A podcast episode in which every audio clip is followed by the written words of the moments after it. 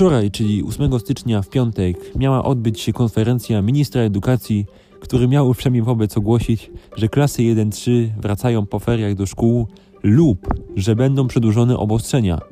A co za tym idzie, do końca stycznia może być to samo, co mamy teraz. Czyli tak naprawdę nie wiadomo. Z drugiej strony, wczorajsze zarządzanie zespołu sztabu kryzysowego mogło być specjalnie przedłużone, żeby dowiedzieć się, czy Ministerstwo Zdrowia dalej będzie zbierać dane o zakażonych, bazując na wiedzy nierozgarniętego studenta, który ledwo skończył statystykę i analizę danych.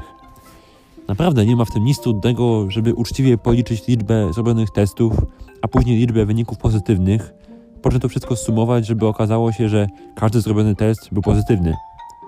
Wracając do ministra edukacji, zaplanował najbliższą konferencję na poniedziałek, czyli 11 stycznia, ale już pod przewodnictwem premiera, który sam podejmie decyzję i znowu będziemy zdani na Mateusza.